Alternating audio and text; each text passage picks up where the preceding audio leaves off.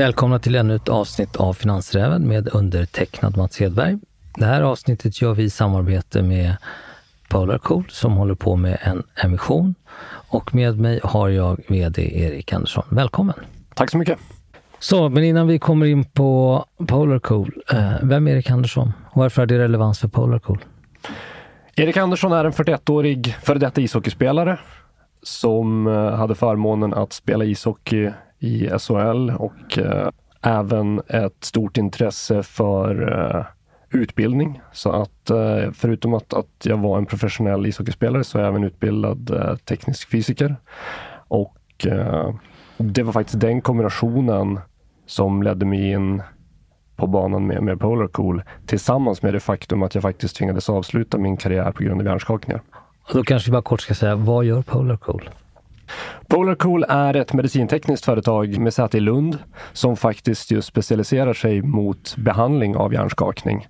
Och eh, vi har tagit fram en unik produkt som är tänkt att eh, användas i det akuta skedet efter skada som innebär selektiv kylning av huvudet och halsen.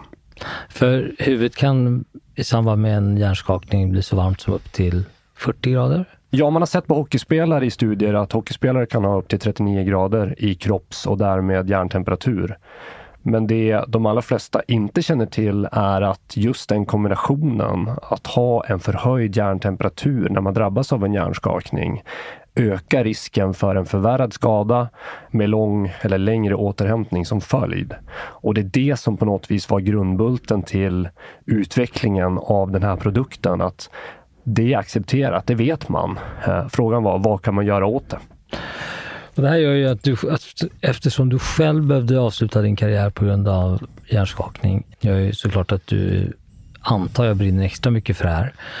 Hade du kunnat fortsätta spela om Polar Cool hade funnits när du drabbades av hjärnskakningen? Det är ju självklart en fråga som jag har ställt mig själv ett antal gånger, kan jag ärligt säga. Jag kan väl säga så här att jag hade ju definitivt önskat att den här behandlingen fanns när jag var aktiv.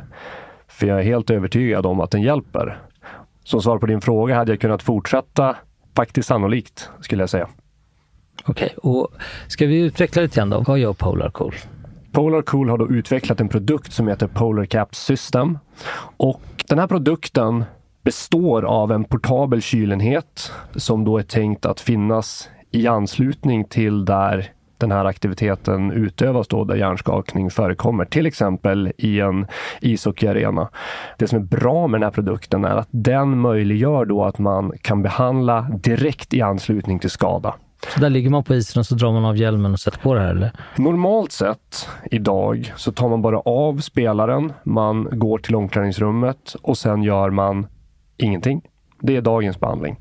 Istället då, i och med som jag nämnde, det faktum att, att ishockeyspelare i det här fallet har en förhöjd hjärntemperatur så kan man då med Polar Cap, istället för att inte göra någonting, så när individen då är tagen till omklädningsrummet eller till medical room till exempel, så kan man då sätta på den här kylmössan eller kylcapen som vi tillhandahåller då.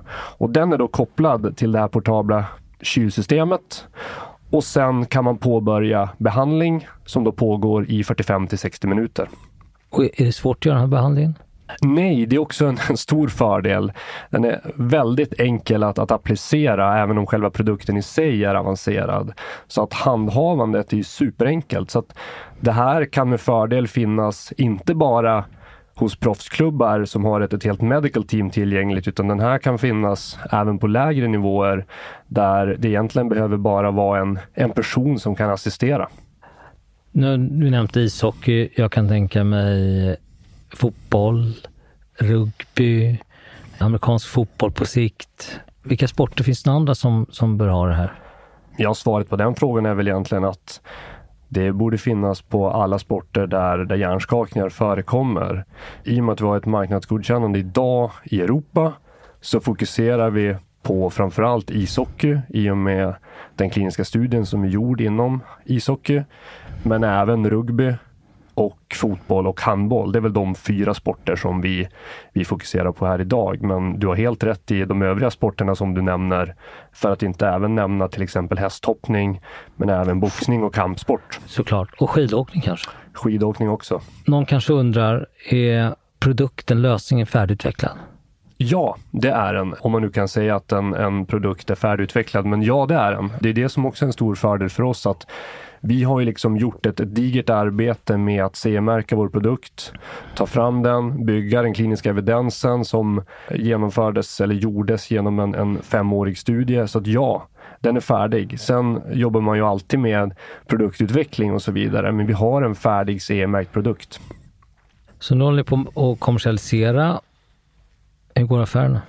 Affärerna går framåt. Vi fortsätter och eh, ta in kontrakt eh, med kunder ute i Europa. Vi jobbar vidare på att sätta flaggor eh, och få den här eh, så kallade ringar på vattnet-effekten där vi börjar och har fokuserat på toppligor och toppklubbar i Europa. Och vi ser sakta men säkert att en blir två, två blir fyra. Så att vår ambition är ju att eh, få en, en ökad försäljning här i närtid. Är det några sporter som varit mer intresserade än andra?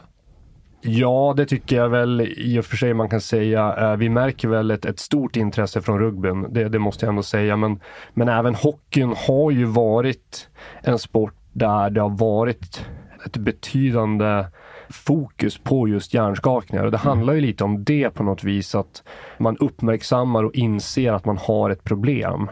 Och där har ju hockeyn sedan länge insett det och jobbat med det. Men även rugbyn märker vi ute i Europa att där är ju efterfrågan på lösningar runt den här problematiken eh, stor.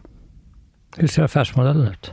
Vi jobbar ju med hyresavtal mm. där Polar Cap då hyrs ut i två till tre års perioder och eh, till det så har vi då de här förbrukningsvarorna som jag nämnde som då innebär headcapen. Eh, vi har även kylvätska och vi har faktiskt ett neoprenhölje som man sätter utanpå headcapen som då har syfte att isolera kylan men också hålla headcapen på plats.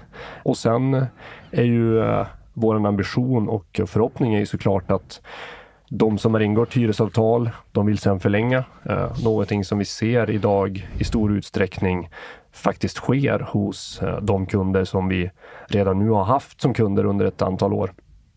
Är det dyrt för klubbarna att teckna sådana avtal eller är det en no-brainer om man får säga så? Allt är ju relativt. Det beror lite på hur man ser det. Vår förhoppning är ju att klubbar ska se att eh, de ekonomiska hälsoeffekterna faktiskt är positiva givet det här resultatet som vi har nu fått från den kliniska forskningen som är gjord där man har kunnat konstatera att individer som behandlas får en betydligt kortare återhämtningstid än spelare som inte behandlas. Och där ligger det ju framförallt ett hälsomässigt värde men även ett ekonomiskt värde. Inte bara för proffsidrottare men även idrottare på, på lägre nivåer. Att slippa vara sjukskriven, slippa vara borta från arbetet. Så att eh, de kalkyler som vi har gjort med hjälp av eh, de kliniska resultaten från den publicerade studien så, så visar det sig att det faktiskt är hälsoekonomiskt positivt för, för klubbar. Trots att ja, det innebär ju en kostnad att, att tillhandahålla det här. Men vi ser det som definitivt gynnsamt även ur en ekonomisk aspekt.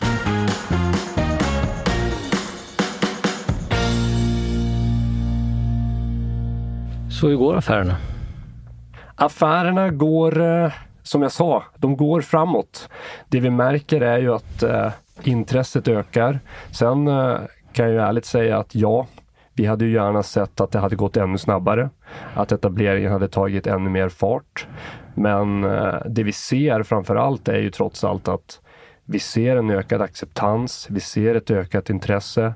Vi har en väldigt diger pipeline som vi har jobbat med under det senaste året. Så vår ambition är ju att vi ska få en ringar på vattnet-effekt här i, i närtid och att försäljningen därmed ska, ska ta ökad fart. Och det är det på något vis som vi som bolag nu kan fokusera fullt ut på med tanke på att vi har gjort det arbetet som är gjort med att ta fram en CE-märkt produkt. Eh, vi är i slutskedet med att få vår MDR-certifiering eh, av vårt kvalitetssystem. Så att vi har egentligen gjort allt det som behövs för att kunna fullt fokusera på försäljning. Hur lång tid tar det att få avslut från, från första mötet tills ni har en affär i hamn? Väldigt eh, bra fråga och där märker vi att det kan variera stort. Det man bör komma ihåg är att det är ingen vanlig säljprocess. Vi, vi pratar med medicinska beslutsfattare, vi pratar om VD i det här fallet, eh, eller sportchefer. Så att eh, generellt sett kan man väl säga att den kortaste tiden vi har haft kanske har varit två veckor. Medan i vissa fall så kan det vara en process som, som är betydligt, betydligt längre. Men det vi har insett, som jag nämnde lite tidigare, det är ju att det tar längre tid än vad man kanske kan tro. Och även vad vi hade trott. Eh, även om, som jag också nämnde, det vi ser är att vi ser att vi successivt flyttar fram positionerna. Vad möter ni för invändningar? För det borde ju vara inom situationstecken en no-brainer att ta ett, ett Polar System. Det vi möter som invändningar är väl först Tidigare var det ju den medicinska evidensen och det var väl framför allt innan publikationen fanns. Eh, resultaten var ju delvis kända, men inom läkarkretsar så eh, är det ju så att för många så finns ju inte resultaten förrän de är publicerade. Och eh, den publikationen fick vi ju vänta lite längre på än vad vi hade trott. Men det var ju väldigt eh, glädjande när den sen publicerades nu här före eh, eh före nyår, höll jag på att säga. Det var ganska länge sedan, men i, i oktober 2022, vilket faktiskt inte är så länge sedan. Men när den kom så märkte vi ju en annan typ av acceptans från den medicinska communityn. Och det är väl det som vi har jobbat väldigt intensivt med nu sedan dess. Med att sprida kunskapen om att den här publikationen finns och öka den, den medicinska acceptansen. Det var väl den första tröskeln. Nu är det väl snarare så att nu finns viljan hos många att börja. Men då kommer vi till nästa aspekt, vilket blir den ekonomiska aspekten. De behöver göra en investering. Tycker de att det är liksom eh, att det är värt det. Hur stor är typiskt sett investeringen? Listpriset för Polar Cap System är 5 000 kronor i månaden. Det är den kostnaden vi pratar om. Sen har vi lite olika upplägg beroende på hur många lag vi har, till exempel i en, i en liga eh, och så vidare. Men, men det är den storleksordningen vi pratar om. Vem är det typiskt sett som är enklast att sälja till i en organisation? Är det sportchefen, är det läkaren eller? Det varierar, eh, men generellt sett i de allra flesta fallen så, så är det ju eh, till att börja med läkaren som behöver eh, vilja att, att man vill tillhandahålla det här. Och det är ju dialoger som vi så, på så vis för med läkare där vi presenterar den vetenskapliga bakgrunden och evidensen som finns idag för de gynnsamma effekter som har konstaterats. Och sen efter det och i nästa steg där läkaren säger att ja men absolut, det här vill jag ju definitivt tillhandahålla till, till mina spelare. Då går det sen vidare till nästa nivå som oftast är sportchef eller, eller VD. Var finns eh, kunderna idag? Kunderna för Polarcap idag finns ju i stora delar av Europa, jag på att säga. Men eh, vi har ju ett starkt fäste inom Sverige, inom svensk ishockey med SHL-lag och hockeyallsvenska lag och även lag i lägre nivåer. Vi har användande hockeylag i Finland, i Danmark och vi har eh, även fått ett, ett starkt fäste eh, ute i Europa i hockeyn när det gäller eh, användande lag i, i Tyskland och i Schweiz.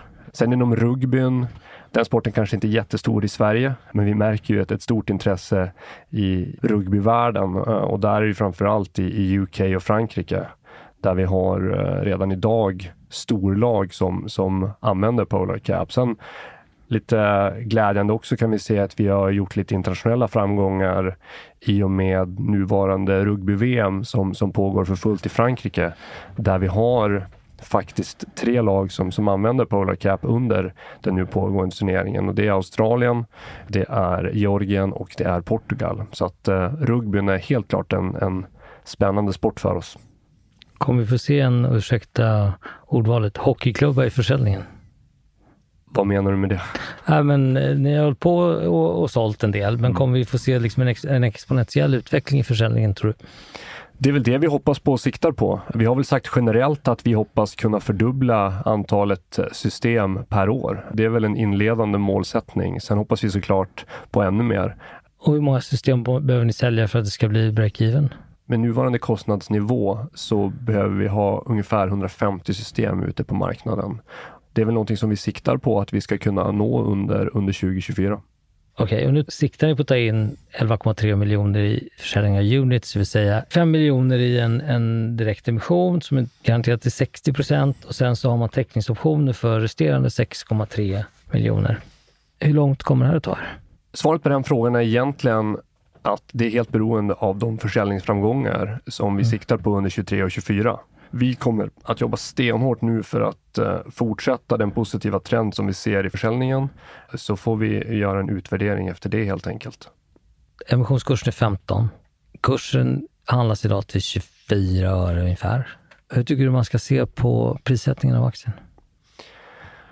Ja, jag tycker med tanke på det jag nyss berättade om det väldigt spännande läge som vi faktiskt står inför och det jobb som är gjort eh, för att ta oss till den här positionen så tycker jag att det är en väldigt intressant prissättning. Inte minst med tanke på att det i det här fallet gäller units, så man får ju även en, en täckningsoption som man har möjlighet att, att lösa in i april nästa år. Risk-reward ration skulle jag säga är, är väldigt intressant. Och du själv, har du några aktier? Det har jag, eh, så att eh, jag kommer att följa med på den här resan. Du känner dig så rädd vid masten? Nej, jag känner att jag tror på produkten eh, och är övertygad om att den är positiv. Så att det här är någonting som jag ser, ser framför mig kommer att vara hur man behandlar hjärnskakningar framöver. Vad är din bedömning? Kommer ni ta det långt på det här? Det hoppas jag. Vi är i det mest spännande läget hittills marknads och försäljningsmässigt. Vi har lagt ner betydande tid och kraft på att bygga upp en väldigt spännande pipeline. Nu ser vi framför oss egentligen att fortsätta jobba på den. Vi ser framför oss att investera i våran säljorganisation. Vi önskar ta in ytterligare en resurs för att få in lite mer erfarenhet och kompetens i vår försäljningsorganisation och att på så vis kunna få den här ishockeyklubba-effekt som, som du nämnde tidigare. Och eh, det känns som att vi har gjort ett, ett digert jobb med att ta oss till den position vi är i nu. Och läget är helt klart spännande så att eh, det ska bli väldigt intressant eh, och, och, se vad vi kan åstadkomma det, det närmsta halvåret egentligen.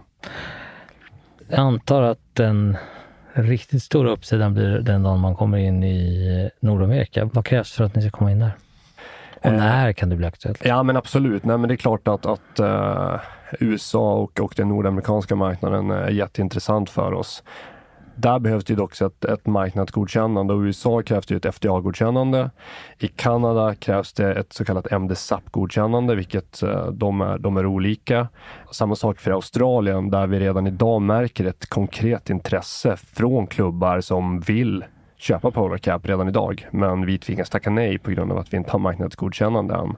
Men vår ambition är ju att såklart erhålla marknadsgodkännande på, på de här tre marknaderna som, som jag nämnde eh, och även fler. Men samtidigt är vi i ett läge där vi idag behöver och vill fokusera hårt på att nå försäljningsframgångar i Europa.